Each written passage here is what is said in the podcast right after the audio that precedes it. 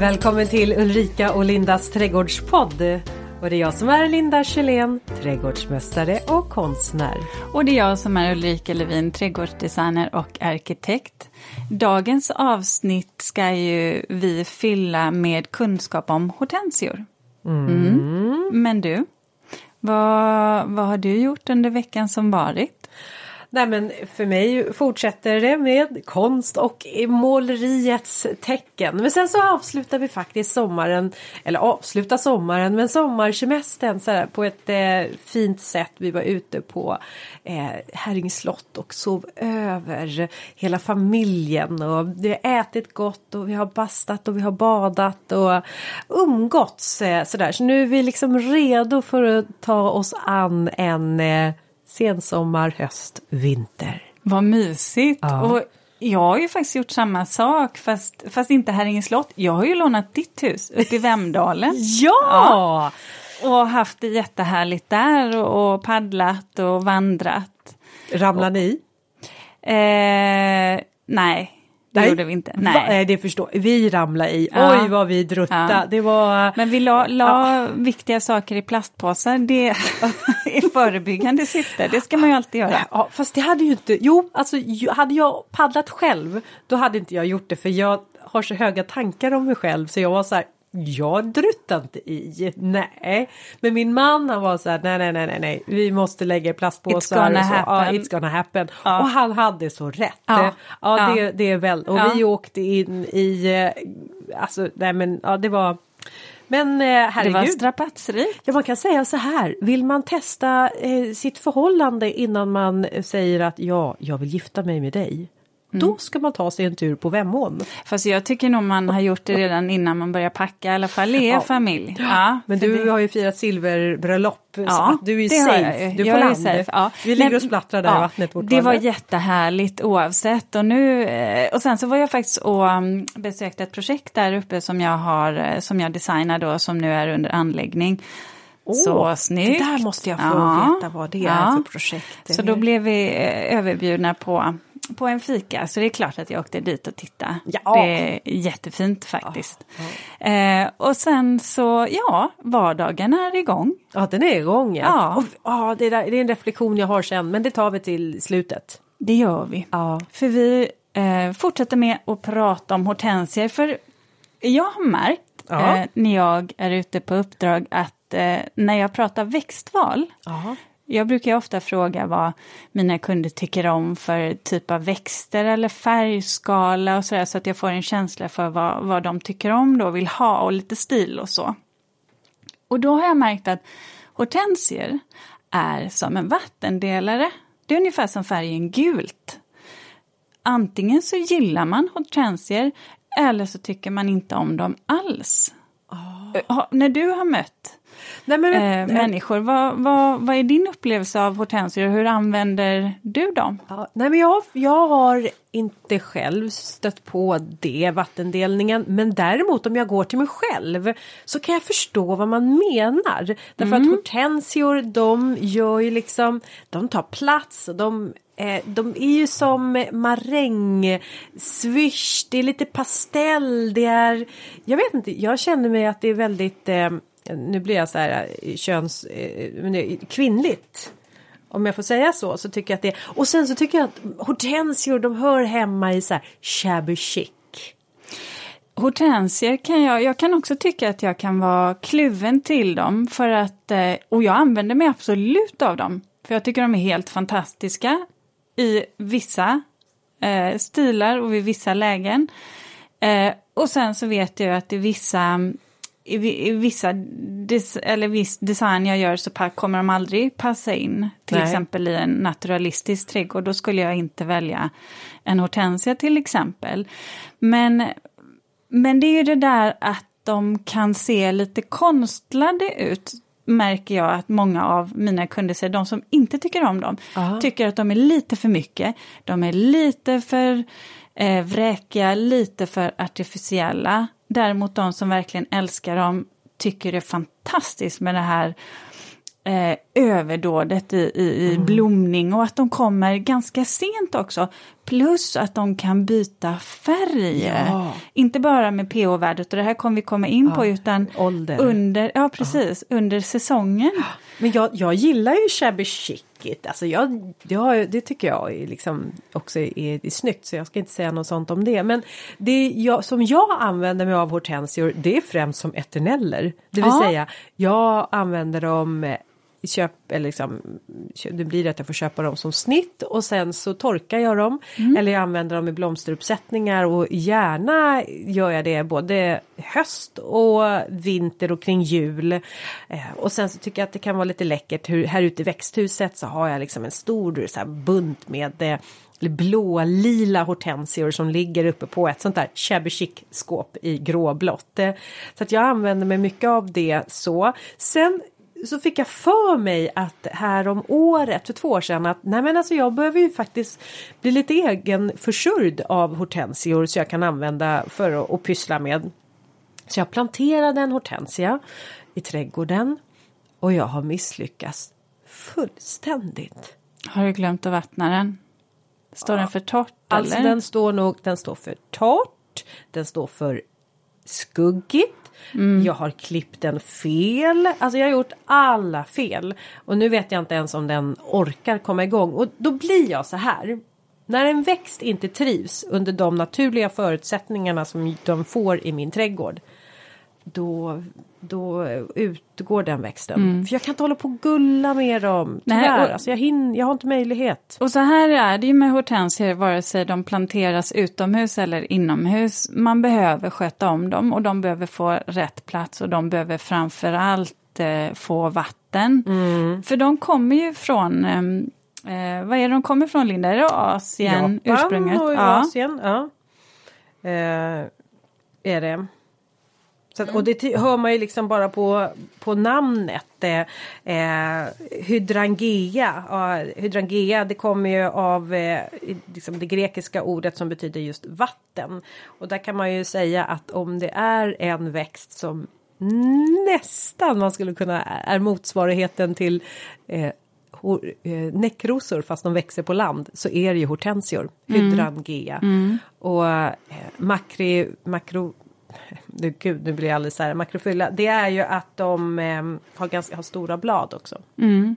Men du, jag Ja, tänkte jo, på det här. Det var här kommer det ifrån? Ja, Ja. för då, jag tänkte också på det här ursprunget. Och, och det är ju också så här att om man tittar på, på blommorna så är det ju så här, alltså busken som sådan. Det här är ju egentligen inte en pollinatörsväxt, det, det kan vi vara eniga om. Den enda ja, den som egentligen drar eh, mycket pollinatörer som har nektar och pollen i sig, det är ju eh, klätterhortensian.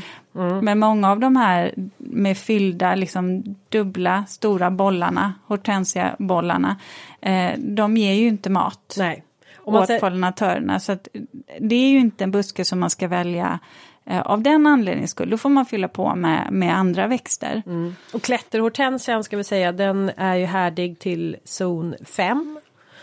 Och eh, jag tycker väl att klätterhortensian den är ju dekorativ även på vintern just eftersom då den har de här eternell liksom blomklasarna Verkligen. och sen så är De här något, vedartade stammarna. ja, Ja. och något som också klätterhortensian har, alltså, du, du pratar om att de är bra för pollinatörer men de kan ju också bli faktiskt boplatser åt många fåglar som bygger sina bon här, här inne i dem. Så att den är ju någonting och den kan ju bli uppåt mellan 5 och, och 7 meter kan klätterhortensian bli. Men du, jag vill bara säga någonting om hortensians ursprung. Ja. För det är lite, det, det är en romantisk historia hur hortensian fick sitt namn nämligen. Ja, kör. Ja, men hortensian mm, Mm, den kom till Europa någon gång på mitten av 1700-talet.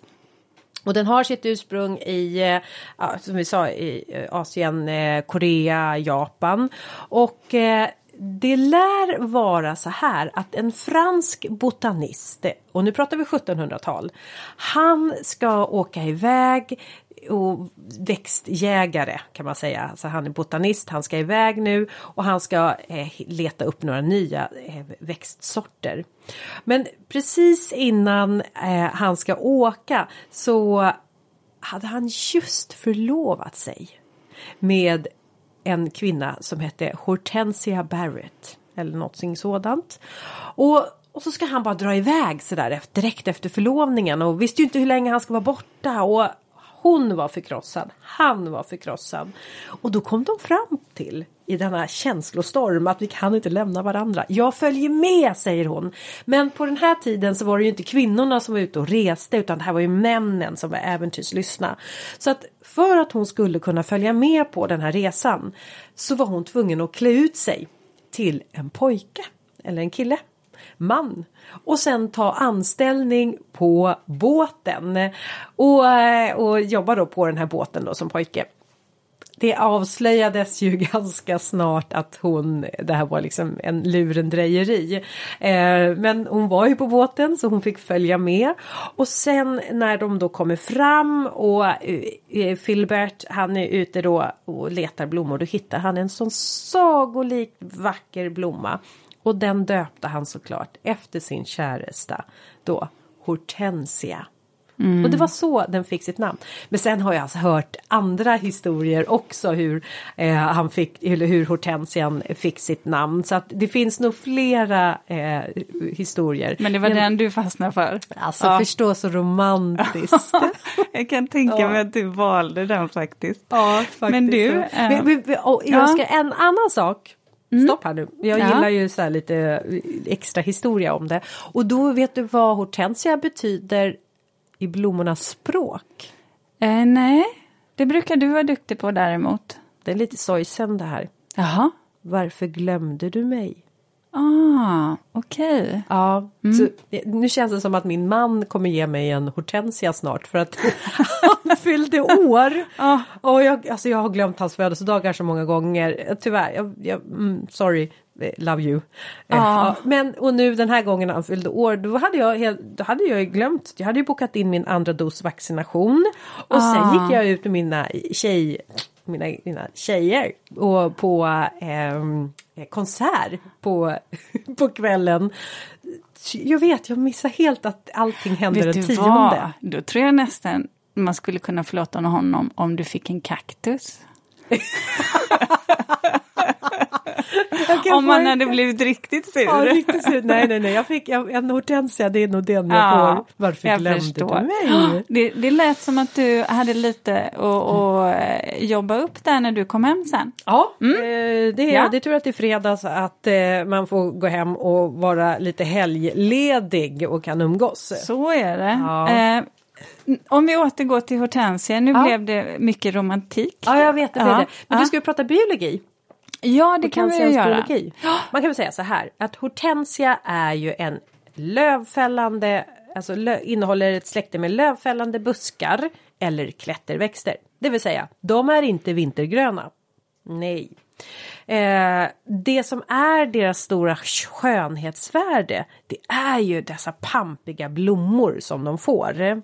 Och det finns eh, stora sorter som passar extra bra som solitärer har du något förslag på någon alltså bara ett exempel. Ja men sammets, stor... Eh, sammetshortensia tycker jag är en eh, solitär. Ja, syrenhortensia. Ja. ja. Sen finns det de här lägre sorterna som passar väldigt bra i grupp. Det kan vara till exempel en purpurhortensia. Mm. Mm. Och eh, vi pratade om det där med att eh, eh, några arter är ju sterila och då har de liksom som blommor som sitter i utekant eh, som bara är så här tjusiga för att locka till sig då pollinatörer. Men det är liksom sterila blommor som sitter i ytterkant eh, mm. men som kan vara väldigt dekorativa. Ja. Jag tycker att, wood, att hortensior passar väldigt bra in i woodlands. Mm. Mm. Där det är lite fuktigt, mm. lite halvskugga. Mm. En mullrik jord. Mm. Och vi kommer in på jorden sen. Mm. mm. För där, där är det ju så att hortensier är ju, eh, de kan ju blomma på fjolårsskottet. Mm. Eh, vissa sorter blommar på årsskotten, vissa har faktiskt har man förädlat fram så att de gör både och. Och det behöver man kolla upp um, när man köper sin hortensia för att också veta hur man beskär det. Och det beskrev ju du fantastiskt bra i förra avsnittet avsnitt 55 som handlade just om eh, beskärning. Ja. Mm, och de är inte... det är inte en blommande buske som man kan ha hur långt upp som helst. Det har ju också med sort att göra, men det finns ju hortensior som klarar upp till zon 5 i alla fall. Jag brukar ofta använda dem som ja, men solitärer eller som häck mm. eh, eller i, i buskage egentligen. Inte lika ofta i kruka eh, när vi pratar om de här lite större hortensierna i alla fall för att de vill ju inte torka ut. Eh, då, då kan de få lite svårt att komma igen. De vill ju ha ganska mycket fukt och då kan jag tycka att det blir lite svårt att hantera om jag eh, ritar in just hortensior hos kunder. Mm. I så fall måste de vara väldigt medvetna om att de kommer behöva springa och vattna. Jag är lite som du Linda, jag kan inte ha hortensior i kruka, jag har försökt och jag misslyckas eh, kapitalt med att vattna dem tillräckligt ja. ofta. Vet du vad jag gör när jag har hortensia i kruka? Då pillar jag in en del av en eh, sån här eh, Eh, disktrasa som ah, suger ja, upp svamp vatten. eller något. Ja, ah, det är smart. Ja, I botten på krukan och sen så går den ner då i ett vattenglas som den här innekrukan mm. står över. Och då suger den ständigt upp det är vatten. Smart. Och mm. sen så brukar faktiskt jag oftast eh, vattna mina hortensior. Att de kanske står, om jag inte har den här lösningen så brukar jag ställa dem i en kruka utan eh, hål i, dräneringshål i. Och sen vattnar jag upp i, eh, yt, i in, nej, vad säger man, ytterkrukan. Och så får hortensian stå själv och dra upp vatten. Mm. Göra. Det är bra. Mm. Om vi ska gå in på de olika sorterna, för mm. det finns ju några. Mm. Och då tänker jag på den vanliga hortensian. Vi kan benämna den som trädgårdshorten, trädgårdshortensia. Ja. Det var ett långt ord. Ja. ja. Eh, där har jag en sort som jag verkligen gillar. Okay. Jag gillar ju den här Endless Summer-serien. Ja, Endless Summer, den har jag också skrivit upp här. Får uh. jag gissa på att du kommer säga The Bride? Of course. Of course! Ja, jo, det är det ju. Uh. Den är ju vit, faktiskt. Eh, och har ju ett kompakt vä eh, växtsätt. Mm. Och jag tycker den är så fin för att knopparna är ju så här grönvita och sen när de slår ut så blir de ju rent vita. Eh, och sen så framåt eh, sensommaren, höstkanten, så övergår de ju i en sån här liten rosa ton. Jag tycker det är en jättefin buske för den, den blir ju bara ungefär en meter hög och lika eh, bred eh, då. Så att jag tycker att det är en perfekt blommande buske och gärna då att jobba med den som, som en låg häck till exempel. Mm. Har, har, du tänkt på att den också har lite mm, eh, att skälkarna är lite så här rosa. Mm. Ja, mm. Tycker ja, jag, jag, tycker den är, jag tycker den är jätte, jättefin och Sen är det ju så här, och det här kommer vi komma in på, eller vi kan ta det ja, nu kanske det. på en gång. Ja, jag tror jag vet vad du vill in på. Mm, ja. För det är ju det här med färgen. Mm. Eh, det är ju så här att eh, hortensier, sitter de i en sur jord, jord, ja. sur jord, det vill säga jord med lågt pH, så kommer de ju dra åt det blåa hållet. Ska man ha dem vita, då vill man ju ha ett neutralt pH.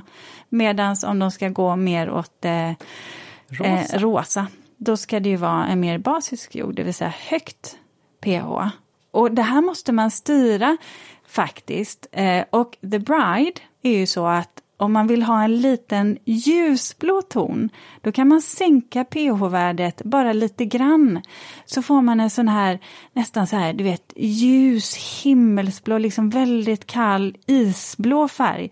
Som kan vara jättefin.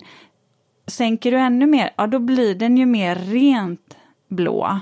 Hur gör du för att sänka? Vad, vad Ja, då blir det ju oftast att jobba med ja, men typ rhododendronjord mm. faktiskt. Mm. Hur gör du om du vill höja då, Linda?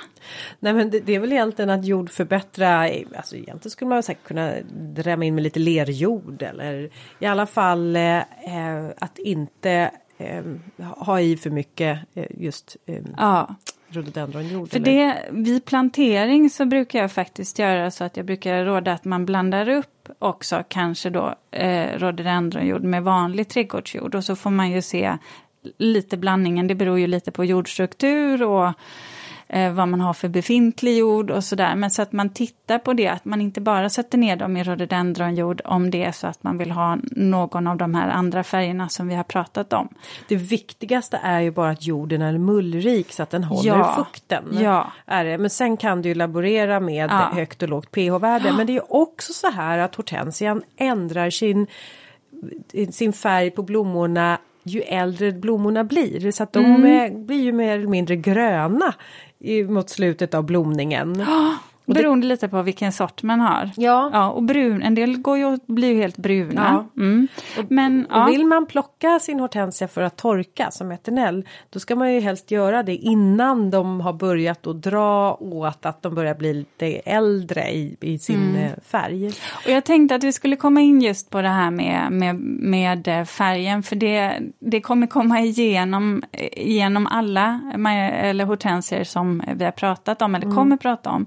Och, Men ja, om vi säger den här The Bride som vi pratade Ja. om. eh, Jag vill bara också nämna det att den blommar ju både på årsskott och fjolårsskott. det är ju det som är så bra med det är den. det som är för att den, då blir det ju liksom en sån här överdådig blomning under väldigt lång tid. Och sen så gör det ingenting om den fryser tillbaka lite under vintern. Nej, För det man kommer blomning ändå. Så när det gäller beskärning utav en eh, hortensia som blommar både på årsskott och fjolårsskott så skulle jag säga var lite försiktig med beskärningen och putsa hellre bort bara det som har blommat över. Så att du bara liksom städar ordning hortensian så att du inte går miste om någon utav blomningen. Ja. En annan sort som jag gillar i, inom den här eh, gruppen, Mm. det är faktiskt Light O Day. Har du sett den någon gång? Nej, den har jag det är en brokbladig hortensia. Den Jaha. har som en vit rand kring bladen. Oj. Jättehäftig. Och så den går lite åt det eh, blå hållet men tar man upp pH-värdet lite så blir den lite mer så här blåviolett eller violettrosa. Det här är ju en växt som, som tar eh, visuellt ganska mycket plats. Eh, Ska man kombinera den så kan jag tycka att då får man jobba med ganska neutrala växter i anslutning till Ja. den. För att annars så, det händer mycket i den busken. Just det. Kanske en typisk solitärväxt eller i lite större buskage i så fall. Ja. Om jag säger vipphortensia. Ja. Ja. Och Mm. den här som- Syrenhortensia eller ja, vipphortensia. ja, Ja, precis. Ja, syrenhortensia. det kan kallas för både och. Ja. Mm. Early Sensation. Mm. Den är ju eh, en, en sort som blommar eh, en av de som blommar tidigast utav eh, eh, de här olika syrenhortensiorna eller vipphortensiorna. Och, eh, och då när vi när jag pratar blomma tidigt det är att den börjar blomma redan i juli. Och sen pågår det augusti till september. Ja. Och eh, den här är också en sån som vi pratar om klätterhortensian som får eh, fina blommor att de sitter kvar under lång tid även in på vintern och det gör även eh, blommorna som är i vita men de alltså när vi pratar om syrenhortensia så finns de ju att de kan gå lite åt det rosa också. Ja. Men early sensation just den här sorten är blommar i eh, vitt. Eh, Ja. Jag har två sorter som jag jobbar mycket med Mm. eh, faktiskt i när det gäller eh, vipphortensierna och det är Limelight Ja. som har lite som det låter, eh, så här lite limegröna, limegula knoppar och sedan så blir mm, själva blommorna Ja, längre ner vita eller liksom vad? lite lime. Det är den jag planterade hemma hos mig. Ja. Men jag har inte fått sett den i blom ännu. Jag är Nej, inne på vad- andra säsongen. Den är väldigt tredje. vacker. Ja. Eh, för den är, de har ju väldigt täta blomställningar, så här, konformade är de ju. Eh, och är ju en hortensia som är lite högre. De här blir ju någonstans kanske runt en och en halv till två meter höga faktiskt. Eh, och sen blir den lite rosaröd från, ehm, på, på hösten och får många gånger en jättefin eh, röd höstfärg i bladverket. Sen brukar jag också jobba med lilla systern kallar jag det. Det är faktiskt en, eh, en sort som är väldigt lik Limelight som Ja. heter eh, Little Lime. Jaha. Som egentligen bara är en lägre variant som Ja. blir en meter hög och lite kompaktare. Också jättefin, du vet i, i häck eller buskage. Men om den är lägre, vad, vad sa du, en meter ungefär? Eller? Ja, ja. en meter blir den ungefär Ja. då. som en Och- infötningshäck. Ja, och blomma så är det lite, Vi pratade lite om det. limegrönt. Ja, vi pratade om det i eh, Skapa stilen eh, del 4. Eh, om ehm, New England. Och då pratar vi om att i sådana trädgårdar så passar ju också eh, de här hortensiorna in fint. Och där rekommenderar du just dem som eh, häck, infattningshäck Ja. och häckar. Och, det är det, och sen så är det ju så här med eh, syrenhortensia och vipphortensia då att eh, de kan ju bli lite kala ner till. Så att där brukar jag ibland göra som en, eh, ha en låg rad eh, marktäckare. Till exempel daggkåpa. Ja, det är fint. Mm. Jag ska bara säga det, det läste jag om här senast att ehm, eh, den, den rena sorten daggkåpa den eh, har de tydligen eh, lite rödlistat tror jag det var. För att den sprider sig så Förstår. ohämmat. Så att eh, man kan väl vara lite försiktig. Det finns Klippa ju av blomställningarna klippa av blomställningarna och sen så sen finns det ju eh, många andra sorters inom daggkåpa som man kan använda också. Klokt ja. Som kanske inte sprider sig lika, lika ohämmat som Nej. de gör. För de drar ju iväg med frö. Ja, så att man, och där tycker jag man ska ha lite koll på själv. Alltså att man har ett ansvar som trädgårdsägare att man går in och tittar på rödlistade eh, växter så att vi inte ja, det sprider dem ännu mera utan ha lite koll på så. så att, eh, en liten passus där för, eh, Ja. för daggkåpan. Nepeta kan också vara fint. Ja. Jag kan tycka att eftersom hortensierna i sig Mm. är ganska mycket det här med att ha kompisar, perenner till, eftersom de är ganska mycket blomning i sig så kan det vara så att det räcker med hortensierna faktiskt, att man inte behöver komplettera med massor med perenner. Men det kan också vara så här att om man vill göra det som du sa i ett woodland, om vi pratade om till exempel The Bride eller någonting som då att man vill ha den här lite ljusblåa, isblåa nyansen. Du vet ett woodland där det är lite, lite vandrande skugga, halvskugga ungefär. Eh, och du får solen som strilar in. Och sen så kan du då kanske ha perenner av lite ljusa gröna krispiga färger som du vet en ormbunke strutbräken tillsammans med hosta, Summon Substance och kanske då eh, silkesdagkåpan eller någonting sådant. Åh, det låter så vackert när du berättar. Ja, Ja, jag vill ha lyft- alla de där ja, rabatterna som du lyfter- komponerar. Ja, då lyfter ju det det här isblå, alltså det blir väldigt fina färger tillsammans. Mm. Så tycker jag man kan jobba med då eh, med hortensian om man ska ha eh, perenner till att man tänker på att man håller dem lite lugnare. Så att hortensian får breda ut sig när de väl eh, blommar. Mm. För att då, då tar de mycket plats rent visuellt Ja. mm, för ögat. Om, om vi pratade om en, du sa att den här, vad hette den, den lägre sorten, eh, Little lime. Little Lime ja. Mm. Det- Jag har en annan, en purpurhortensia. Ja, vi, Eh. har du, du har inga på syren? Nej. Får jag bara säga en sak Ja, som, som jag undrade om du Aha. tycker om? För nu har jag ju tagit många vita sorter. Ja. Men det finns en som jag tycker är ganska cool som heter Wims Red. Ja, den, vet du vad, den, jag vet precis eh, Ja. vilken det är. Det har du, men hur kunde jag glömma bort den när jag köpte min hortensia? Ja, för jag tänkte att, jag tänkte att det där skulle vara lite du. Ja. Om man hade valt en Wings hortensia. red and drinking some pims. Ja, Ja. Ja, du ser. För det är ju så här att den är ju vit, men Ja. går mot rosa, sen rosarött och sen blir det ju en mörk purpurröd blomma. Den är väldigt effektfull.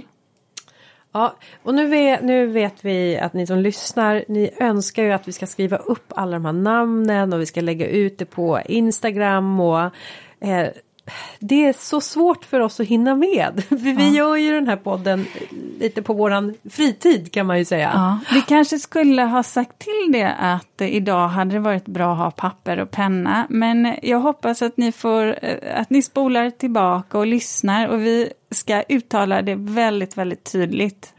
Vilka sorter vi pratade om.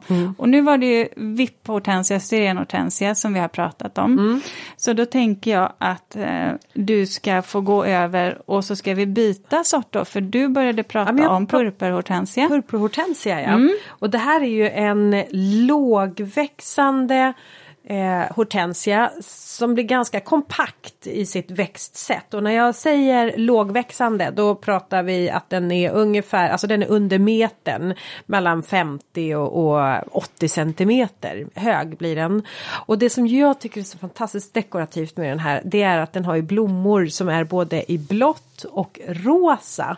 Eh, där ah, den har då mm. de här yttre då blommorna som en, liksom en, en bård runt de inre. Och ehm, eh, den får också ett eh, fina fina skälkar som också drar åt det här röda hållet. Eh, men som sagt sen har den den här flata blomställningarna och så mörk mörk grön. Eh, blommar också juli till september. Sa, ja, sa du namnet på den? Eh, Lamona. Lamona. Ja. Lamona. Mm. Jag har nämligen ett hortensia-minne. Mm. Och det är, jag, när jag utbildade mig till trädgårdsmästare så praktiserade jag på um, Valdemarsudde, prins Eugen.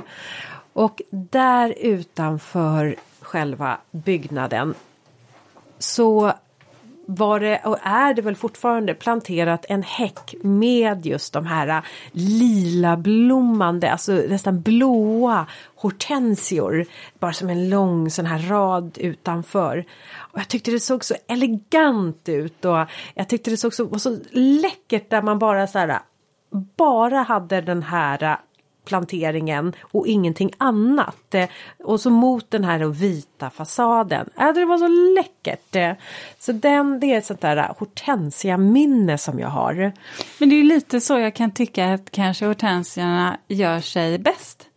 Lite beroende på sort naturligtvis, men, men många gånger just där i uh, en masse. Ja. Att ha dem och att de får verkligen vara bara alltså spela huvudrollen hela tiden där mm. mot en ganska neutral bakgrund. Och jag skulle så gärna vilja veta vad de heter de där hortensiorna men jag har ju ingen namn på dem så att eh, jag måste ju säga om eh, någon av er som lyssnar vet vad de heter, vilken sort, eh, så kan inte ni skicka en liten kommentar. Kanske att trädgårdsmästare eller växtprofessor Christer lyssnar så skickar jag ut ett meddelande till honom.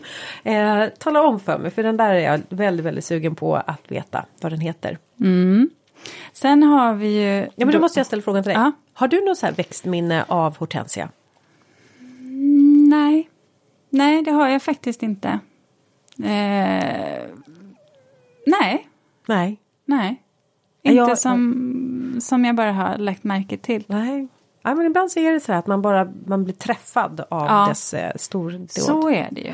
Så är det ju verkligen. Ja, ja men okej, okay. purpurhortensia. Anledningen till att jag kom upp med det här minnet det var ju för att det, den har ungefär samma färg som den som växer utanför Valdemarsudde. Men ja. det är inte den därför att den Valdemarsudde är större. Ja, det kanske är Bluebird.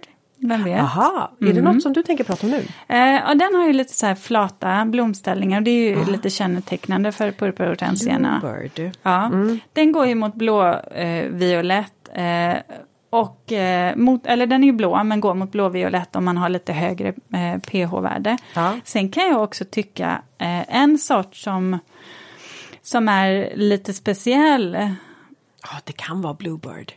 Mm, mm. Jag tänkte på det när du beskrev det. Uh Avelros. Jaha. Det stavas med Z i slutet. Avelros. Ja. Det är faktiskt en rosa sort, den blir ungefär en meter hög. Eh, och eh, om det är lågt pH så går den faktiskt mot rött. Så att om man vill ha en röd horten hortensia eller försöka laborera med jorden så kan man välja den. Och sen har ju den en purpurfärgad anstrykning på, på bladen faktiskt. Vilket gör att den är eh, lite annorlunda. Ja, på bladen just mm. också. Bladen brukar oftast vara lite lätt behårad, så här, behåriga. Lite ludna på hortensior. Ja, lite beroende på sort. Ja, men alltså ta lite taktilt och, och känn ja. på dem så. Sammet, eller vad ska man säga, ja. sammetshortensian är väl verkligen en sort ja. som har ludna det blad. Är den. Och stora ja. blad, de kan ju vara så här typ 30 30-35 centimeter långa. Nu får jag för mig att den kanske är lite mer torktålig. Kan det stämma? Eh, jag skulle nog säga tvärtom. Aha, eh, för att eftersom de har så stora blad ja. så torkar de lätt ut. Så Men de har ju skyddet av behåringen tänker jag. Mot sol och att de Ja, då därför har lättare Ja. att liksom jag har nog hantera. valt att placera dem lite, lite mer skyddat i så fall. Så att de inte står för vindutsatt också. Ehm, Ja men det är väl något man kan säga om hortensior att man eh, precis som i magnolior försök att placera dem där de är lite mer skyddade eller som Ja. i ett woodland till exempel. Ja. Och där det då inte blir för torrt. Nej. Det kan bli svårt och vi, om det har rotkonkurrens av ett stort träd. Vissa hortensier vill ju inte ens ha rotkonkurrens, de tål det jättedåligt. Så att, återigen, man måste kolla upp ehm, eh, vilken sort man ska välja. Eh, för då blir det mycket, mycket lättare att lyckas med den, eh, resonerar jag. Mm. Så sant, så sant. Eh, eh, du, lite värdelöst vetande igen då? Ja, Ja, jag tycker att sånt här är kul alltså.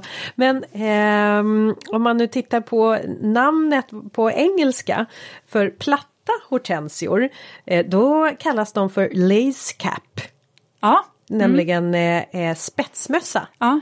Och på tyska så kallas de för teller.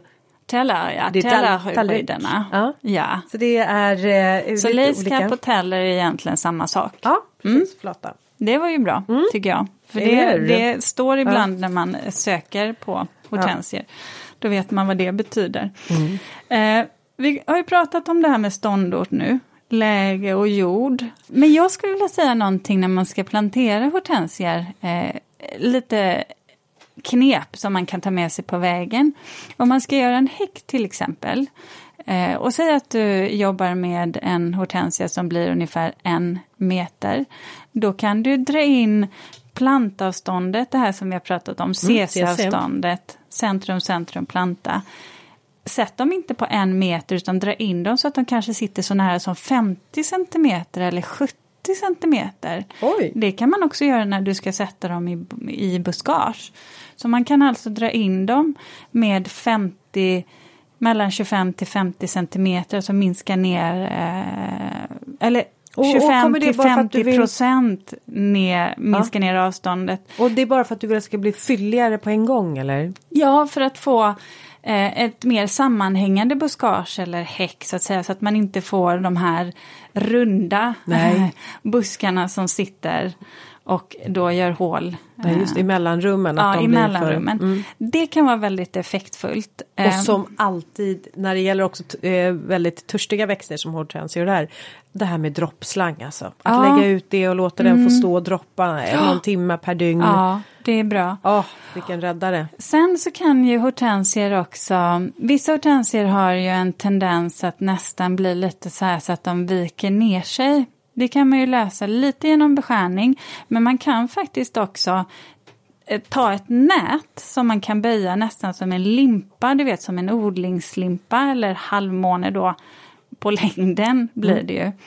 Om man sätter den, det vill säga att när man har klippt ner eller precis när man har, um, om man har klippt ner hortensian eller om man tar det precis när man har köpt den då, det beror ju lite på storlek och så, då kanske man måste klippa ner den och hoppa över blomningen ett år.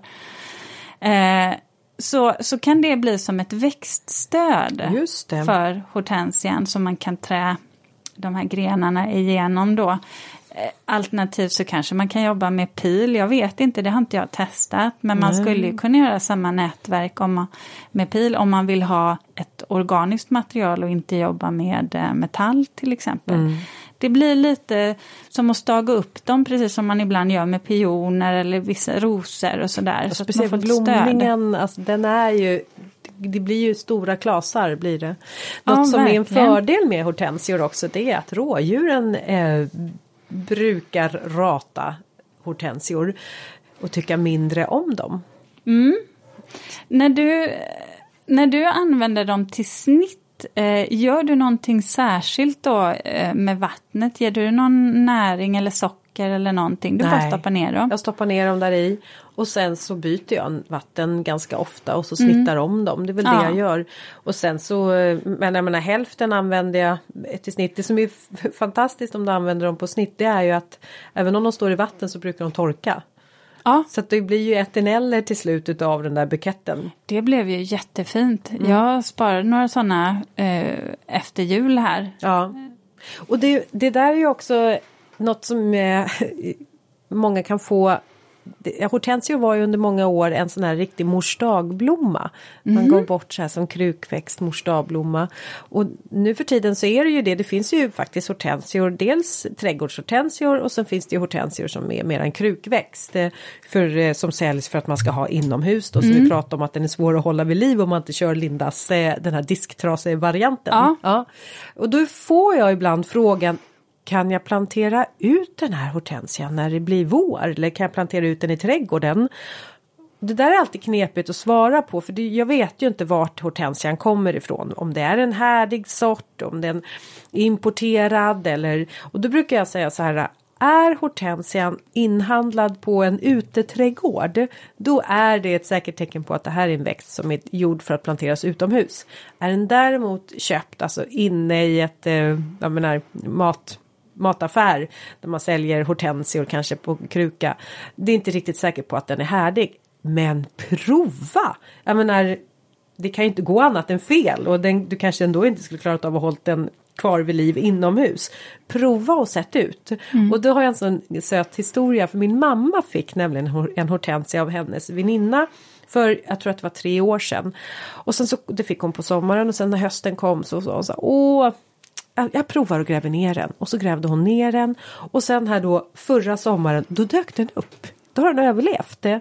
Så nu när jag är hos mamma då måste vi alltid, vi går alltid så här trädgårdsrunda hos mamma och tittar på hennes växter och vi avslutar alltid med hortensian som mot alla odds trodde vi har klarat sig. Så prova och gräv ner era krukväxthortensior i trädgården om ni ändå inte kan ha dem inomhus. Tar de sig så tar de sig. Mm. Och det där är ett bra tips för att om man har kruk, eh, det vill säga att en krukodlad hortensia som är, då är anpassad för utomhusbruk, men om man har det på altanen eh, så kan det vara en fördel att faktiskt gräva ner den under innan vintern.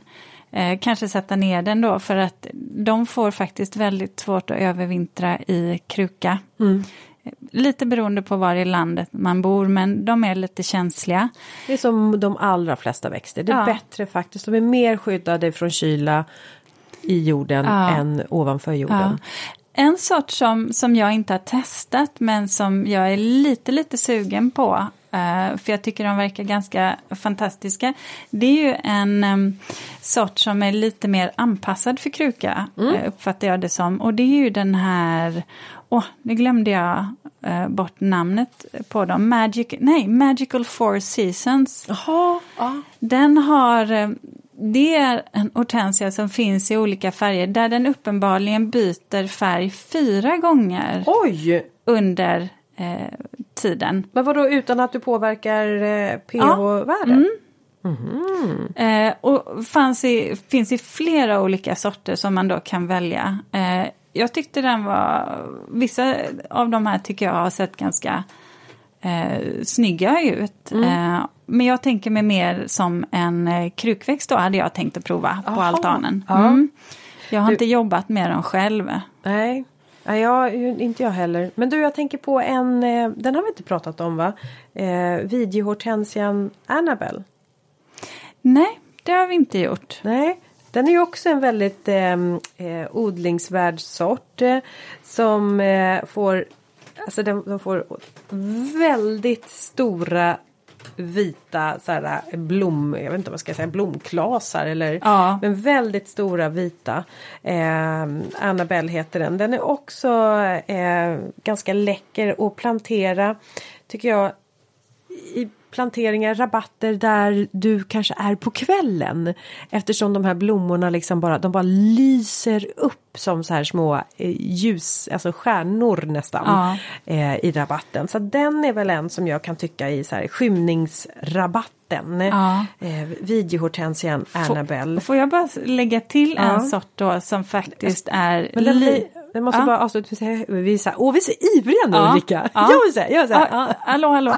Men den blir ganska stor, den blir mellan en till två meter. Ja, och det jag ville bara säga det är att det finns en sort som heter Incredible. Ja, Som är väldigt Vi ska bara lik. bräcka varandra här nu. Nej, nej, nu kommer du till nej Incredible. inte bräcka. Ja, Ja, Eh, ja, det är inte jag som hittar på namnet. Nej. Men det jag vill säga är att den är väldigt, väldigt lik eh, Annabelle. Eh, men är lite styvare. och har om möjligt ännu större blommor. Annars väldigt lik. Jättefin eh, också. Ja. Ja, ni får googla och slå i era växtlexikon på de här olika sorterna som vi har tipsat er om. Nu gick du lite ner i tonläge där. Känner du att vi, det är dags att, att börja runda av? För du inledde ju med att säga att du hade någonting som du ville komma tillbaka till. Just det. Mm, du sa det? så här sa du att eh, nu har vi ju kommit in i vardagen igen och börjat jobba. Och då har det slagit mig att jag är lite vimsig med vad som är min vardag. Och så tänker jag på eh, nu, den här pandemin som vi nu har levt under, under alltså det är ju två år. Och man har trott att nu öppnar samhället upp, nu kan man ut och jobba som jag brukar som föreläsare på mässor. Men så stänger man igen och så tror man, nej men nu så. Det är ju det där ordspråket, vargen kommer, vargen kommer. Och till slut så tror man inte längre, alltså man lyssnar inte. Man, ja. Och nu börjar alla säga sig, jo men nu kommer det hända. I höst, då kommer man få ut och jobba och till våren. Jag kommer, alltså jag har så svårt att föreställa mig hur det är att jobba som jag tidigare har gjort. Jättekonstigt är det. Alltså, och det, det, det är så här. Ja, det är som ett tomrum. Ehm, och jag tror nästan inte på att det är sant. Att det verkligen ska få liksom, återgå och bli lite som det har varit. Eh, så att jag, när, när du säger så här, ja men nu börjar vardagen. Jag är lite vimsig fortfarande vad som är min vardag. Jag har också funderat lite på samma sak för att det har ju varit ett eh, extremt högt tryck under pandemin för min eh, bransch, eller min profession. Eh, I alla fall för mig. Eh, och det fortsätter ju bara här nu under hösten. Jag undrar lite hur det kommer bli nästa år. Just nu känns det inte som det börjar lugna ner sig. Jag bokar in uppdrag ehm, ja, men börja här nu inför efter årsskiftet och så vidare. Så att eh, det är full rulle. Så jag kan säga, behöver man hjälp så får man nog vara ute i god tid och kontakta. Och sen sin- tänker jag också på eh, vi som har börjat podda under pandemin. Ja. Och, och då blir jag ju också lite orolig för herregud, hur ska vi hinna med podden då? När- Om nu Ja. livet återgår till som det har varit. Ja, jag har ju Eh. haft, eh, för mig kanske blir lite, kanske lugna ner sig lite, jag vet inte. Och för dig så blir det ju... Kanske, och då blir det också så här, hur ska vi, Full vi hinna träffas här eh, på Överjärva gård Ja, eller ska vi fortsätta skypa? Och, Ja. men du vet det är så mycket frågor som Hur dök det blir, upp. ja. ja. Det där blir faktiskt intressant att se. Vi hoppas väl att ni som lyssnar fortsätter att lyssna och tycker ni att vi gör en bra podd, eh, ja men hör av er, säg det. Vi blir Ja, alltid glada. och- det peppar en att fortsätta, så ska man väl säga. Ja, Det, det, det är... Ja. Så, så jag hoppas verkligen att ni får någonting utav det också. Ja. Ja, men du Linda, eh, ska, vi, ska vi säga så för idag? Ja, och, och, jag, jag måste ju ut och leta reda på Vims Red, heter den så? Eh, va? Ja. Ja, Wims Red. Ja, Wims Vims, Vims. Vimsiga Linda ska Ja. ut och leta Ja, på eller Vims jag som inte ens kommer ihåg vad det Nej. var. Nej, men Wims Red var det jag menade. Ja, jag ska ut och, ut och springa nu. Ja, du ska ut och springa. Ja, Ja. försöker. Jag har levt i total dekadens under sommaren så att eh, nu eh, måste jag nog dra ihop mig. Oj. Tack för idag kära lyssnare. Vi Ja. hörs igen nästa vecka. Ja, det gör vi. Hej då! Hej då! Jo då, nu måste... Dekadens, sa ja, dekadens? Dekadens, ja, dekadens, är man inte så här festlig då? Eh, Eller jo. Är man, men, ja, det är det du har varit. Yeah. Oh, yeah.